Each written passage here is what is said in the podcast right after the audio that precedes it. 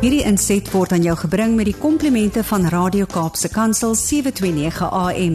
Besoek ons gerus by www.cape pulpit.co.za.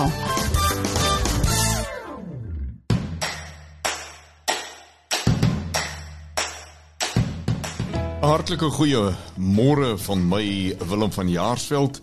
Ek is jou gasheer tussen 7 en 8 elke Saterdagoggend op die senders van eh, Kaapse Kansel 729 AM. Jy kan ook na ons luister op 729 Medium Golf en dis wonderlik in die nuwe wêreld van hoëre tegnologie wêreldwyd is ons beskikbaar op die internet. So, dit maak nie vanmôre saak waar jy is, waarmee jy besig is nie. Daar sal 'n manier wees wat jy na hierdie program luister en so kan jy ook elke Saterdag doen. Kom ons kyk wat is vanmôre op die spyskaart. Om 10 oor 7 kom saad vir die saaier aan die beurt. Nou vanmôre breek ons so 'n bietjie weg uit die tradisionele en ons gesels oor weiveld as 'n konsep in die Bybel. Die res van hierdie maand gaan ons elke Saterdag oor hierdie konsep in die Bybel gesels. Ons hoor baie van raad hoe om weiveld te bestuur, uh wat ons daarmee moet doen om dit te verbeter, hoe die diere daarop geplaas moet word, hoe lank en al die verskillende dinge van weiveld. Maar dit is sodat daar in die woord van God baie baie duidelik klem gelê word ook op weiveld en ons gaan so 'n bietjie kyk na die verskillende maniere wat die Here dit doen. Ons tema vandag is weiveld van die Here. Kapstok is om 20 oor 7, 7:20 aan die beurt en vanmôre gesels Boetie Kirchner. Hy is die bestuurder jagsaake by die Suid-Afrikaanse Jagters en Wildbewaringsvereniging en hy praat oor verantwoordelike vuurwapen gebruik. Nou ja, dit is vir jagters belangrik, maar sommer in die algemeen alle vuurwapen hanteerders, besitters. In Huis en Hart wat omstreek 7:30 begin, gaan ons in die eerste deel van Huis en Hart uh, luister hoe gesels Gerda Leroux my kollega met Raymond Kirby keldermeester en wynmaker van Montblois oor die geskiedenis van hierdie kelder in die tweede helfte van Huis en Hart gesels Lits Nel van Agribonus oor hulle maatskappy se betrokkeheid in landbou. Ons sluit vandag af met stories van hoop omstreeks so 10 voor 8 en die gereelde deelnemer Jolandi Kruger van Dynamis Agri Advisors gesels vandag 'n bietjie oor die opleiding van vroue in landbou. Landboulandskap word aan jou gebring met die komplimente van Kypots varsprodukte mark. Ek nooi jou om uh, met ons te gesels deur middel van ons WhatsApp en Telegram nommer 0817291657 of stuur 'n SMS na 37988. Jy kan ook per e-pos met my gesels by wilhelm@kypulpit.com co.za. Begin jou boodskap asseblief met die woord landbou. Ons gesels net hierna verder, bly ingeskakel.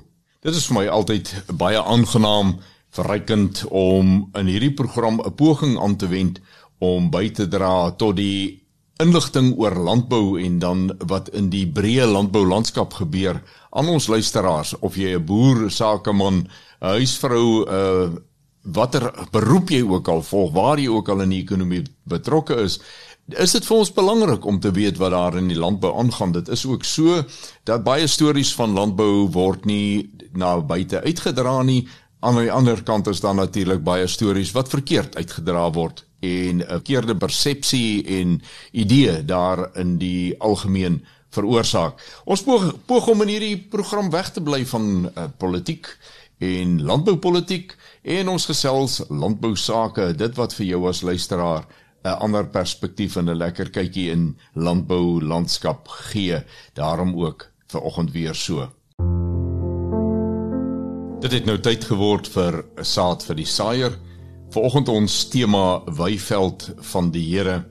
Dit het uh, by my opgekom toe ons die laaste tyd en deurlopend deur hierdie program Van tyd tot tyd praat ons oor weiding, weiveld bestuur, veldbrande, die effek daarvan op weiveld en ons gesels oor hoe ons weiveld in stand kan hou en hoekom weiveld in 'n goeie toestand moet wees as ons goeie veeproduksie wil hê. Dit het my by die gedagte gebring om bietjie te gaan kyk. Hoeveel word daar in die woord van die Here oor die konsep die saak van Weiveld gepraat en daar is volgens my navorsing 88 verse weliswaar almal in die Ou Testament waar die woord Weiveld gebruik word uh en in baie van hierdie verse word die woord meer as een keer gebruik want in 88 verse kom die woord 136 keer voor. Nou die kontekste waarin die Here die woord gebruik wanneer hy met sy volk praat en hy gebruik 'n weiveld of die weiveld as 'n konsep om dinge te verduidelik. Dit is 'n aanduiding vir my van die waarde wat die Here aan weiveld heg die beeldspraak wat hy daar rondom gebruik en dis meer dit is nogal regtig indrukwekkend en ons gaan nie tyd hê om by alles stil te staan in hierdie program nie maar uh die idee is net wanneer ons as landbouers oor weiveld bestuur besin dink ons meermale in terme van die voeding vir diere dalk is dit nodig om 'n ander perspektief op die saak te kry en ek sal dit baie graag in die komende weke dan ook so wil draai. Kom ons kyk 'n bietjie. Die weivelde waarin ons is. Ons sê na waters waar rus is, lei hy my heen en dis meer. Ons ken die Psalm 23 wat daaroor praat. En ons kyk 'n bietjie hoe lyk die weivelde van ons lewe, die weivelde van ons gedagtes, van ons woorde en ons werke. Dit is in die volgende in hierdie uh res van Augustus in saad vir die saaier. Kom ons bid saam. Vader, ons dankie dat maak nie saak waaroor ons as mense praat, waaroor ons dink nie. U woord is 'n kragtige bron, 'n ryk 'n bron van inligting. En dankie dat ons ook oor 'n saak soos Wyveld na u woord toe kon gaan en mens sien soveel daarin, leer soveel daaruit.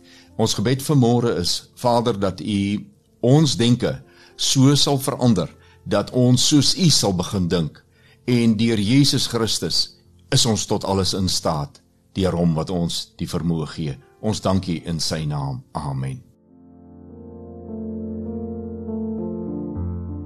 Dit is uh, Augustus maand en uh, tradisioneel in Suid-Afrika is Augustus die laaste van die maande van die jaar waarin ons op oop plase met 'n permit kan jag. Nou ja, vir die wat nie weet nie, 'n oop plaas is daardie plase wat nie wildweerend omheinis nie en wat met antwoorde nie vrystelling het sodat daar enige tyd van die jaar op daardie stuk grond gejag mag word nie. Nou ja, einde van hierdie maand is dit die einde van daardie uh jagte op sulke plase en is dit dan ook uh gepas om dalk 'n bietjie laat maar dis nog dis nooit te laat nie sommer goed vir volgende jaar. Kom ons luister wat sê uh meneer Kirchner. Uh hy is die bestuurder van die jagsake by SA Jagters en Wildbewaringsvereniging oor die veilige hantering van wapens. Net hierna Boetie Kirsner is die bestuurder jagsake by die SA Jagters en Wildbewaringsvereniging. Boetie, hartlik welkom op ons program. Lekker om weer met jou te gesels. Goeiedag Gerda, goeiedag luisteraars. Vandag wil ek met jou gesels oor die veilige en verantwoordelike vuurwapengebruik. Nou oor my eerste vraag. Die antwoord is seker voor die hand liggend, maar hoe gevaarlik is 'n vuurwapen? Gerda, 'n vuurwapen is net so gevaarlik soos 'n hamer wat in jou gereedskapskas lê. Die hamer kan byvoorbeeld nie uit jou gereedskapkissie opspring en jou op die duim slaan nie. Dit het iemand nodig om daardie funksie te verrig. Dieselfde geld vir vuurwapens. Die vuurwapen kan homself nie laai en 'n skoot afvuur nie. Is daar algemene reëls as dit kom by vuurwapenveiligheid? Verder, ja, daar's minstens 4 goue reëls en die eerste daarvan is hanteer altyd alle vuurwapens asof hulle gelaai is. Jy moet nooit aanneem dat 'n wapen veilig is nie selfs al oorhandig iemand 'n sogenaamde veilige wapen aan jou, maak seker dat dit veilig is. Die is veral belangrik in 'n jagveld waar mense met vuurwapens in en op voertuie klim en of deur heininge klim. As iemand vir jou 'n vuurwapen oorhandig, maak seker daai wapen is veilig. Die tweede reël wat baie belangrik is, moet nooit die loop rig op enige iets of iemand wat jy nie wil skiet nie. As die loop in 'n veilige rigting wys en daar's 'n nalatige skoot wat afgaan, sal dit in die proses geen ongewenste teiken tref nie. So wys altyd daai loop in 'n veilige rigting. Dan die derde een, hou jou vinnig van die sneller af totdat jou versiere op die teiken gerig is. Oortreding van hierdie reël het die meeste nalatige skote tot gevolg. So al rig jy 'n vuurwapen in 'n rigting, as jy nie fisies aan die sneller raak nie, is die kans dat jy vuurwapen self kan skiet omtrent nul. So hou jou vinnig van die sneller af. Dan die vierde belangrike een is identifiseer en bevestig jou teiken voor jy die sneller trek. As jy nie 100% seker is van dit waarna jy gaan skiet nie, moet nie die sneller trek nie. Maak ook seker dat jy weet wat is agter jou teiken en waar die koel gaan stop. My een goeie vriend sê altyd dat jy die koel moet begrawe. Met ander woorde, maak seker dat die koel 'n veilige stoparea het wat dit kan vang of absorbeer, selfs al is dit deur die teiken of deur die boksou skiet moet nooit na teikens skiet wat op die horison staan nie, waar daar geen stop direk agter is nie, want indien jy die teiken mis, sal jy nie weet waar die koel gaan opeindig nie. Boetie, waarna moet 'n mens kyk ter voorbereiding van die jag of skietoefening? Gerda, die jagter of skut moet seker maak dat sy geweer in 'n goeie werkende toestand is. Vuurwapens het meganiese onderdele wat net soos jou motor se engine gereeld nagegaan en gediens moet word. Moet nie onnodig aan jou wapen peter nie. Ek weet daar's baie YouTube video's en goeders beskikbaar, maar vat dit liewer na 'n gekwalifiseerde wapensmid om enige verstellings te maak en om nuwe onderdele te installeer. Waak veral teen byvoorbeeld snellers wat te lig gestel is wat tot gevolg kan hê dat die skoot nalatig afgaan wanneer die aksie gesluit word en maak seker dat jou wapen se veiligheidsknip korrek funksioneer. Let wel dat al is die veiligheidsknip geaktiveer dat die vier goue reëls nog steeds gevolg moet word. Verder moet die skut verseker dat die loop van die wapen vry moet wees van enige obstruksies, byvoorbeeld as 'n perby of wespe 'n halgeweer se loop nes gemaak het. As jy daai skoot sou aftrek, is daar verstopping in die loop en sou dit nadelige gevolge inhou. Kyk gerus deur die loop voor jy 'n jag of skietsessie onderneem, maak net baie seker dat die wapen eers ten volle ontlaai is. Verder moet jy net die regte ammunisie van goeie gehalte vir die spesifieke wapen gebruik. Indien jy beplan om twee of meer verskillende kalibers te gaan skiet, is dit raadsaam om die onderskeie kalibers en ammunisie apart te hou van mekaar. Dit is dieselfde as byvoorbeeld petrol en diesel voertuie. Jy wil nie graag die brandstof men nie. Dit gaan in 100% van die gevalle 'n ernstige probleem veroorsaak. Stoor ook jou vuurwapen veilig en ontlaai. Baie belangrik, onthou dat wapens en alkohol glad nie men nie. Wat doen SA jagters om veilige en verantwoordelike vuurwapengebruik te bevorder? Ja, SA jagters bied by al 83 takke landwyd georganiseerde skietdae aan waar jagters en skuts onder toesig van ons gekwalifiseerde baanoffisiere veilige skietgeleenthede kan beoefen. Verder bied ons by elke tak baanoffisier opleiding aan vir enige lid wat sou belangstel. Die opleiding bied ook die gewone skut of jagter die geleentheid om meer intensief oor vuurwapenveiligheid te leer asook hoe om dit in die praktyk toe te pas. Ek kan die opleiding hoogs aanbeveel vir enige iemand wat met groepe werk waar vuurwapens betrokke is. Verder bied ons baie junior skietoefeninge aan van so vroeg af soos die onder 9s, onder 13s, onder 16 tot en met die onder 18s. Die junior skiet met veerlig gewere op windbukse, druklig gewere of PCP soos hulle algemeen bekend staan en met randslag of punt 2 wees. Dit is uiters belangrik om jagters en skuts reeds van kleins af die regte gedrag ten opsigte van vuurwapens te leer en 'n kultuur van veilige en verantwoordelike vuurwapengebruik te vestig. Boetie, waar kan jy gekontak word vir meer inligting? Gerda, die luisteraars is welkom om na ons webwerf by www.sahunters.co.za te gaan kyk vir onder andere meer inligting rondom ons naaste tak indien ons sou wou inskakel by goed georganiseerde skietoefeninge en of opleiding. Daar's ook verskeie artikels onder andere oor vuurwapenveiligheid op die webwerf. Hulle is ook welkom om my te skakel by ons kantoor in Pretoria by 012 808 9300 en dan kan net vra met Boetie te gesels. Boetie, dan laastens, is daar 'n gedagte wat jy graag by ons luisteraars wil los? Ja, Gerda, ek los graag die volgende. Indien jy 'n vuurwapen hanteer, berus die volle verantwoordelikheid en gevolge daarvan by jou. Hanteer jou vuurwapens veilig en geniet die jag en opskietgeleenthede terdeur. Ons is hier in die Wes-Kaap natuurlik baie geseënd met 'n uh, kleurryke erfenis van wynlandgoedere, wynkelders, wynplase en dis meer. Vanmôre gesels kollega uh, Gerda Leroux so bietjie met 'n man wat sy plek vol staan in hierdie bedryf, Raymond Kirby. Hy is van Montbloa en hy is die keldermeester en wynmaker daar. Maar die geskiedenis van hierdie landgoed met sy wynmakery, dit is vanmôre onder die uh, loop in die eerste gedeelte van ons huis en hart en in die tweede gedeelte gesels geram met Lutsnel. Nou hulle gesels sommer 'n paar lekker warm sake weer daar uit uh, Luts se omgewing, Agribonus is sy maatskappy en ons hoor meer van hulle doen en late binne die landbousektor. So na die wegbreek net hierna huis en hart. Ek gesels met Raymond Kirby. Hy is die keldermeester en die wynmaker by Montbloa. Baie welkom by ons program Raymond, lekker om met jou te gesels. Goeiedag. Gerda, baie dankie vir die geleentheid dat ek het om hier te kan praat. Raymond, die geskiedenis van Montbloa wynlandgoed strek terug na die jaar 1869 en ses generasies later is Ernst Brewer die eienaar. Vertel my meer oor hierdie geskiedenis asseblief.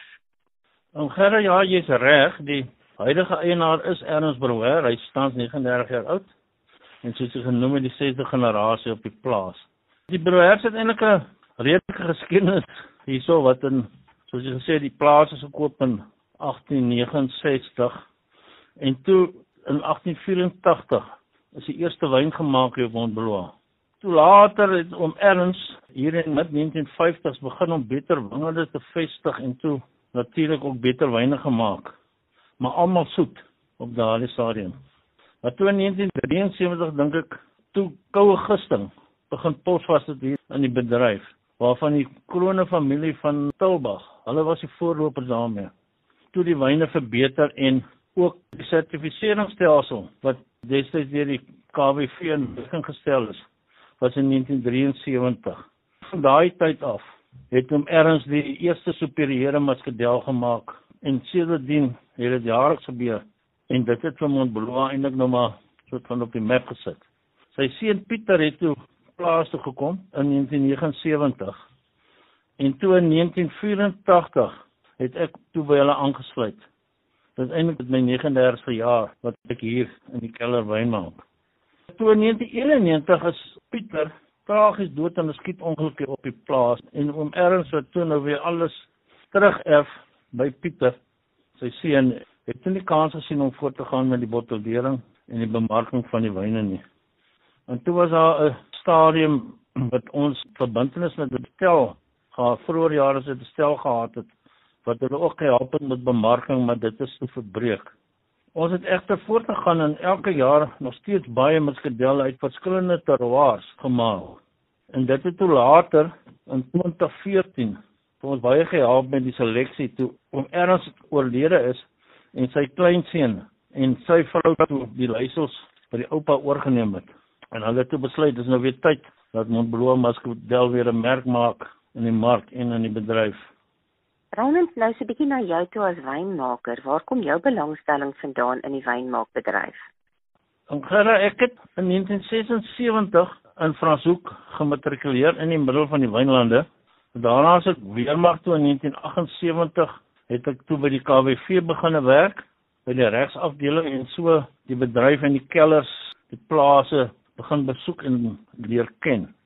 Dit het toe my so 'n bietjie geprikkel toe in 1981 het om Frans Malan wat ook 'n legende was van Simon Sug my genader vir 'n pos by die keller in Stellenbosch.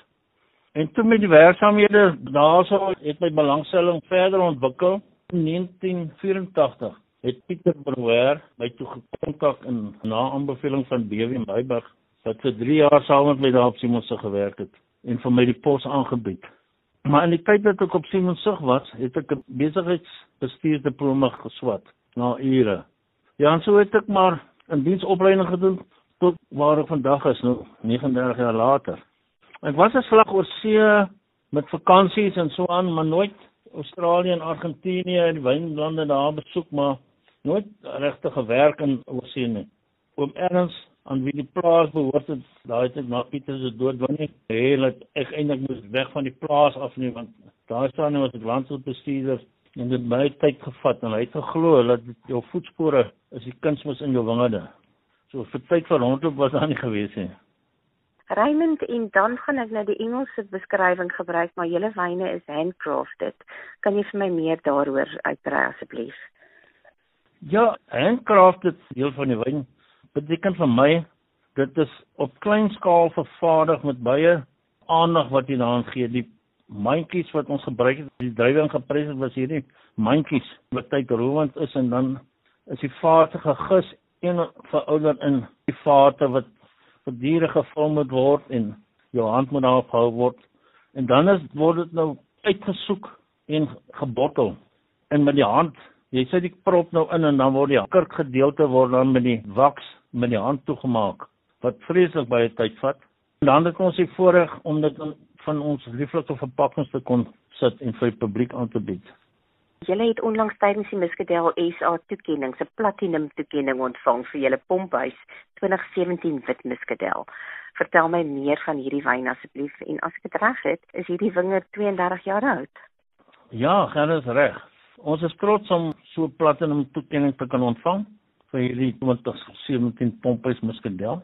Die naam is dalk nie so maklik op die tong nie want die wingerde by ons het nie nommers en so die blokke nie. So almal wat name het word deur die werkers uitgedink en ons het goed gedink om dit so te behou. So hierdie is eintlik 'n pomp huis in die blok wat soort van die hart van die plaas is wat van daar al die water na toe gepomp word. Maar ja, die goudkleurige muskadel is afkomstig van wingerde wat geplant is op rooi karoo grond in 1991. Ek kan onthou dat ons die wingerd in daai jaar in Desember geplant het want dis die jaar wat Pieter te dood is, daai Augustus. Ons het geplan dis druppelsproeiing hierso in Robertson waar dit so warm word, moet jy kan water gee elke dag as dit nodig is. En ons het die verlengde perelstel opleistelsel gebruik. En dan natuurlik Robertson se grootste hulp is die suidooswind wat in die middag aan die somer opkom en dan die hele Robertson die warm wêreld sommer lekker afkoel. Ek sou sê die palet van die soetwynverbruiker sal regtig geprikkel raak. Want die druiwe wat ons gepas het is bo 27 grade en wat veroorsaak dat die soetigheid, die spiritus wat jy dit mee fortifiseer, heeltemal verdoesel. En dan kry jy soos ons praat van die twee trou met mekaar, die spiritus en die sap. En dan van daar kry jy die vrugtige druiwe neus met 'n resentjie agtige karakter en 'n baie aangename palet. Maar dit verg gespan poging om die wyn te kan maak en dit begin in die wingerde van die eerste snoei snit wat jy maak met die skerp tot waar hy in die bottel is. Raymond, watter boodskap het jy vir jong toetreders tot die bedryf? Gaan ek sê die wynbedryf is regtig 'n interessante bedryf wat 'n mens kan op plekke in die wêreld uitbring waar jy nie normaalweg sou kom nie. En ek dink vir elke nuwe wynmaker is daar uitdagings wat van hom gebied word. So ek sou sê hulle moet die geleentheid gryp wat na hulle kant toe kom. En as daar iets is wat hulle nie weet nie, die wynmakers is definitief 'n klomp nice ouens en hulle deel graag hulle inligting en kennis met ander mense. En net jy boodskap aan ons verbruikers asseblief. Ja, en ek kan aan die verbruiker daar buite voorstel dat om 'n verskeidenheid van wyne te probeer Die Suid-Afrikaanse wynbedryf bied regtig wyne wat waarde vir geld is en van hoë kwaliteit. Maar daar's mos nou 'n goue reël wat sê die wyn wat in jou glas is, is die beste een om te drink. Ek gesels vandag met Lutz Nel van Agribonus. Baie welkom op ons program Lutz. Dit is so lekker om met jou te gesels. Baie dankie Gerda. Lutz, vertel my asseblief meer oor Agribonus. Agribonus is dalk nie vir almal so bekend nie want soos hulle in die bemarkingsterme sê ons opereer maar so onder die lyn, onder die skreeulyn want ons is 'n loyaliteitstelsel. Ons kommunikeer maar direk tussen ons vennote en ons lede. So ons het vennote aan die een kant waar die insetverskaffers is en dan ons lede wat die boere is. Dit is vir ons werk om die vennote se produk aan ons lede bekend te stel. Soos in al die loyaliteitsprogramme is daar dan so insentief by betrokke? En die boere kry 'n paar punte as hy 'n bakkie gekoop het, dan kry hy 'n paar punte. En as hy 'n trekker gekoop het, kry hy 'n paar punte. En as hy spuitstof of veevoer of wat gekoop het, kry hy 'n paar punte. En die punte kan hy natuurlik word alles bymekaar gemaak in een beursie vir die boer en hy kan daarmee doen net wat hy wil. Hy kan 'n mooi pot of 'n pan vir sy vrou koop vir die kombuis of 'n nuwe televisie stel of hy kan sy punte bymekaar maak en hulle 'n bietjie oor see gaan rondry. Nou vertel my 'n bietjie meer. Hoe pas julle vennote en die maatskappye en Agri Relief Foundation in mekaar in? So 3 jaar terug het een van ons vennote wat al in Agribonus is vir jaar 25 jaar oud. So dit maak ons daarom uh, een van die gerekende loyaliteitsstelsels in die land. Het ons bymekaar gekom en gesê maar ons het nou hierdie lekker Agribonus met die punte wat bietjie pret en plesier in die boerdery inbring, maar ons wil op 'n ander manier ook 'n bietjie sosiale verpligting nakom en uh, iets teruggee wat meer nie net punte is vir die boer nie, maar meer op die gemeenskap gerig. Toe het ons besluit om die Agri Relief Foundation te begin wat uh, 'n nie winsgewende maatskappy is redelik lank gevat want dit is maar uh, ingewikkeld om so 'n maatskappy geregistreer te kry alles en ook vir die artikel 18A kwitansies uit te reik wat met vir donasies mee gepaard gaan. So dit was 'n hele lang tyd gewees wat dit geneem het. Hoe dit werk is party van ons vennote sal nou maar sommer 'n lompsom bydra een of twee keer 'n jaar, maar dan sal van ons ander vennote wat 'n uh, bedrag koppel aan 'n produk, as daar nou 'n botteltjie medisyne van hierdie soort verkoop word, dan skenk hulle R10 vir die fonds of R5 op daai produk. So kry ons maar ons selfies so deur die jaar in. En dit is waar ons maar die geld bymekaar kry. Tussen ons en Zetes bestuur ons die Agri Relief Foundation. Ons het ook 4 onafhanklike direkteure, almal gerekende mense in die landbou. Ons self bestuur dit, maar ons neem nie die besluite oor die spandering van die geld. Ons sal wel projekte aan die direksie voorlê Hulle maak die besluit en hulle sê ja of nee. Nou hoe dit gebeur is ons vennote het almal baie agente, verteenwoordigers almal op grondvlak. So hulle weet wat gaan aan oral in die land. Hulle weet waar is daar krisisse en dan kom dit maar by ons uit en ons bespreek dit, oorweeg dit en dan kyk ons waar kan ons help. Die AgriLife Foundation het ons besluit Ons het nie drome om nou hierdie vreeslike groot hulpfonds te wees nie, maar ons wil effektief wees en ons wil voorkomend wil ons eerder op fokus om te kyk wat kan ons bereik deur 'n klein vuurtjie dood te maak voor hy 'n groot vuur word. Eintlik wil ons glad nie 'n vuur hê nie. Dit het ook daartoe gelei dat ons verlede jaar ons eerste spesifieke projek geloods het en dit was 'n vuurvegter projek.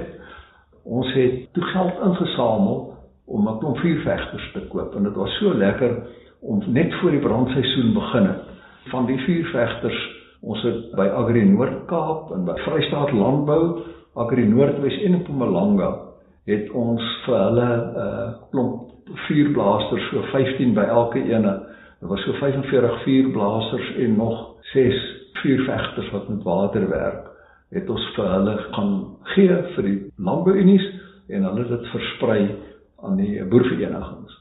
So dit was nogal interessant geweest die dag na ons by Noord-Kaap afgelaai het. Die volgende dag toe kry ons 'n video terug hoe hulle vure veg met, met van daai blaasters. So dit is lekker om te sien hoe dit goed werk. So julle was eintlik net mooi betyds geweest, nee? Mooi betyds geweest. En dan wil ek weet, het julle spesiale dae wat jy wil uitlig wat nou nog hierdie jaar gaan gebeur? Ja, ons het nou pas weer besig om weer 'n vuurvegter projek want dis so belangrik om vure te voorkom. As 'n mens sien die vragte voere wat moet aangry word agterna. Dis enorm om te sien hoe daai trokke heen en weer as daar nie meer voer is nie. So gaan maak die vuur dood. Vinniger dat jy nie al jou jou weiding verloor nie. So ons gaan nou weer ons ronde doen met 'n klomp vuurvegters en dan die 6de Oktober het ons 'n groot golfdag wat ons gaan hou. Ons is tans besig om bemarkingsmateriaal uit te stuur na ons vennote, maar ook 'n bietjie buite ons vennote, bietjie weier na landboubesighede toe om vir hulle te vra kom raak betrokke by die golfdag. Dit gaan wees by Hartbeespoortdam by daai Beckenwood golflandgoed. Ons hoop ons gaan groot belangstelling kry met besighede wat ons gaan kom ondersteun wat ons sommer vir ons 2024 se vuurvegter projek 'n groot hupstoot sal kan gee. Daar's natuurlik ook ander kleiner projekte wat ons tussenin by betrokke raak en dit is nou iets wat my baie na in die hart gelê het. Ons het almal geweet hoe moeilik gaan dit in die Karoo. Baie swaar gekry, nie gereën nie en dit was regtig elendig geweest. En toe het ons gehoor van die dames by Merwewil wat die visie gehad het om te begin om 'n verskil te maak. En dit het begin met 'n paar nougous te bak en te verkoop en daarmee eers 'n telefoonrekeningkie in die gang te hou en 'n en 'n kragrekeningkie en later 'n buurman se mee te help en later die dorp mee te help en die ding het uitgebrei tot 'n pragtige besigheid. So die visie was klein om met 'n klein beginnetjie te maak wat jy wat op 'n pragtige mooi besigheid toe later uitgeloop het. En toe hoor ons beerdkrag maak dat die mense partykeer as die beerdkrag nou daai 4 ure wat so hard geslaan was in die dag val dan het hulle twee keer 4 ure in die dag is 8 ure waar aan die krag gesnelle oonde kan nie werk nie. Is groot industriële oonde en die ding want toe raak dit nou al 'n behoorlike fabriek. Hulle doen 'n groot verskil in die hele gemeenskap. En toe het ons besluit om vir hulle 'n hele sonkragstelsel in te sit wat hulle kan maak dat hulle daar nou 'n voldag se lekkernye kan maak. Ag, dis iets lekkers om ook so tussenin te doen om vir iemand net te sê, weet jy, ons sien raak ons help iemand wat gehelp wil word of wat homself ook kan help. Dit is 'n wonderlike storie. Dis 'n hoopgee storie. Hoop is mos iets wat lewendig is, nee, jy kan hom nooit laat doodgaan nie en uh, dit kort nie baie om hoop uit te dra nie. Glad nie. Daar's daai jy moet daai vlammetjie in die brand hou en jou visie, jy moet vashou aan jou visie, jy moet vorentoe kyk, jy moet boontoe kyk, jy moet glo. Ek het toevallig so rukkie terug gehoor van een van die groot manne in die wêreld met baie geld te vra hulle vir hom en dis 'n Suid-Afrikaner toe vra hulle vir hom nou jy het nou 3 mislukkings gehad groot mislukkings was baie geld vuurpyle wat opgeblaas het en toe vra hulle vir hom jy verloor baie geld min maar op en nie toe sê hy I never give up. Dis presies net so. Jy moet nooit opgee nie. Nou ons kan nog baie lank gesels maar het jy dalk 'n boodskap aan ons boere van ons land vandag asseblief? Weet jy Gerard Ek dink baie mense wil altyd weet nou wat kan die boere nog ekstra doen om sekere goed te help of by betrokke te wees of wat. Dan wil ek amper nie moedeloos raak nie, maar amper moedeloos raak om te bly om dieselfde verduideliking te gee. Ons boere glo ek is van die beste boere in die hele wêreld. Hulle boer onder ongelooflike moeilike omstandighede. Hulle het elemente teen hulle. Die grootste gedeelte van ons land is semi-woestyn en nogtans kry ons dit reg om die kos te produseer wat ons land in die gang hou. So ons boere produseer onder moeilike klimaatsomstandighede. Hulle produseer in 'n onvriendelike makro-omgewing. Die elemente is teen hulle, die misdaad, ag, die infrastruktuur wat nie altyd lekker is nie. So die boere doen wat hulle kan As daar nou een beroep is wat ek kan doen, is om vir die res van Suid-Afrika te sê wat nie boere is nie. Die gewone man op straat. Want die gewone man op straat is ook die man wat betrokke is in 'n groot landboubesigheid of in 'n ander besigheid. Maak nie saak wat nie, maar besighede almal moet besef dat 'n volk wat nie na sy landbou kyk nie, kyk nie na sy toekoms nie en almal moet betrokke raak. Ek dink ons skuld die boere en die landbou 'n groot dank vir dit wat hulle vir ons elke dag op ons tafel sit om te eet onder bitter moeilike omstandighede.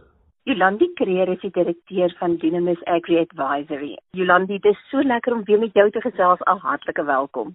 Goeiedag Gerda en goeiedag luisteraars en dankie dat ek weer kan gesels op vandag se program.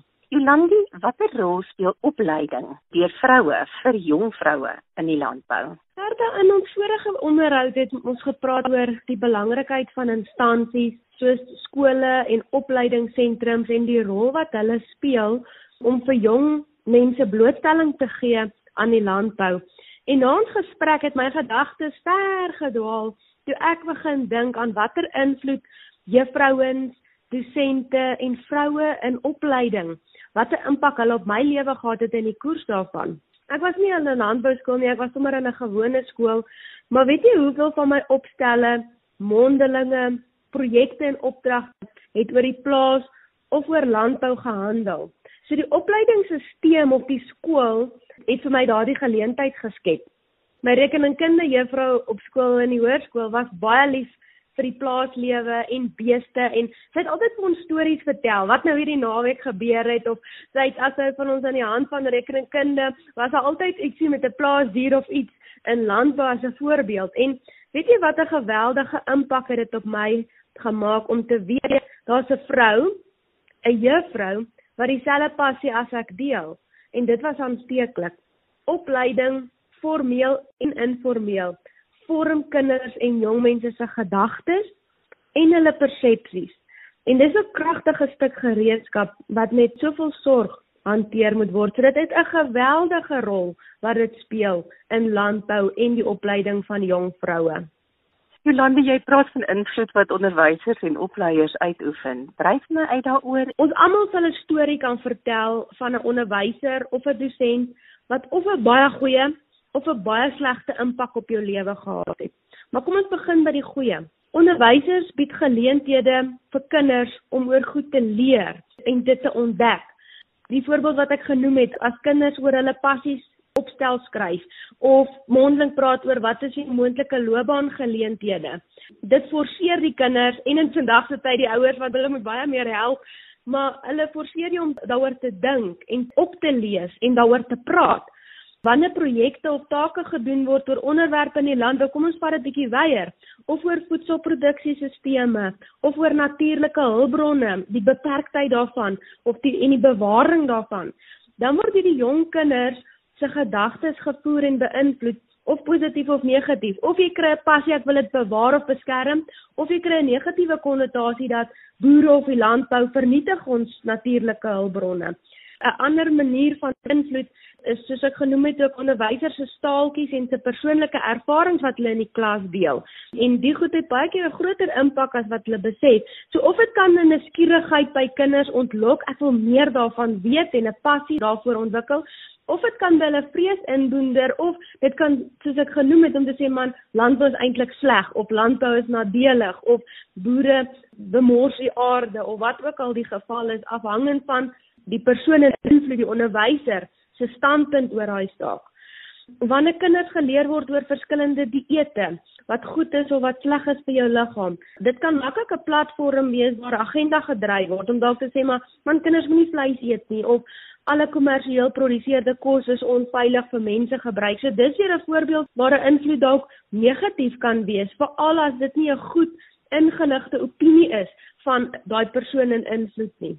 As ek dink ook daar's ander lande in die wêreld waar boere en landbouers 'n baie negatiewe konnotasie het as gevolg van hierdie invloede en wat dit die landbou as sektor soveel skade aanrig as kan ek maar sê daai weerstand van kinders en van mense wat nie die volle prentjie het nie se kant af kom nie. So ek dink die punt wat ek wil maak is opleiders het gesag om jong mense te beïnvloed en dat hulle dit verantwoordelik sal gebruik. Jolandi, watter rol kan die landbousektor speel om opleiers te ondersteun? Gerda, daar's baie geleenthede. Ek dink in die eerste plek kan die landbousektor sorg dat opleidingssentrums oor die regte inligting beskik om aan leerders oor te dra. Wat doen ons almal as ons iets wil weet oor 'n onderwerp wat ons nie ken nie? Ons gaan Google dit dadelik. So as ons kan sorg as landbousektor dat daar goeie inligting is, die regte inligting daar buite is wat juffrouens en onderwysers en dosente kan gebruik om oor te dra dan speel ons al klaar 'n groot rol. Wat onthou onderwysers moet die kinders oor klomp verskillende onderwerpe leer. Hulle kan onmoontlik alles weet van alle onderwerpe en industrieë en daar word van hulle verwag om dit as 'n kenner oor te dra vir die kind. So kom ons gee hulle die regte feite en inligting sodat hulle hulle werk goed kan doen. 'n Ander rol wat die landbousektor kan speel, is om skole, universiteite en kolleges te borg nie net met geld nie, maar met kompetisies of met projekte wat kinders se bewusmaking en blootstelling aan die landbou stimuleer of kom gesels met die skoolkinders en praat met hulle oor wat se loopbaangeleenthede is daar in jou organisasie of in die landboubedryf. Dit hoef nie net universiteite te wees wat met matrieks kom gesels om te sê watter studierigtinge is daar nie. Ek dink die landbousektor kan 'n groot rol speel al vroeër in kinders se skoolloopbane. Ek het in die ander onderhoud genoem die voorbeeld van Granessa se skoolprogram waar hulle die video's wys.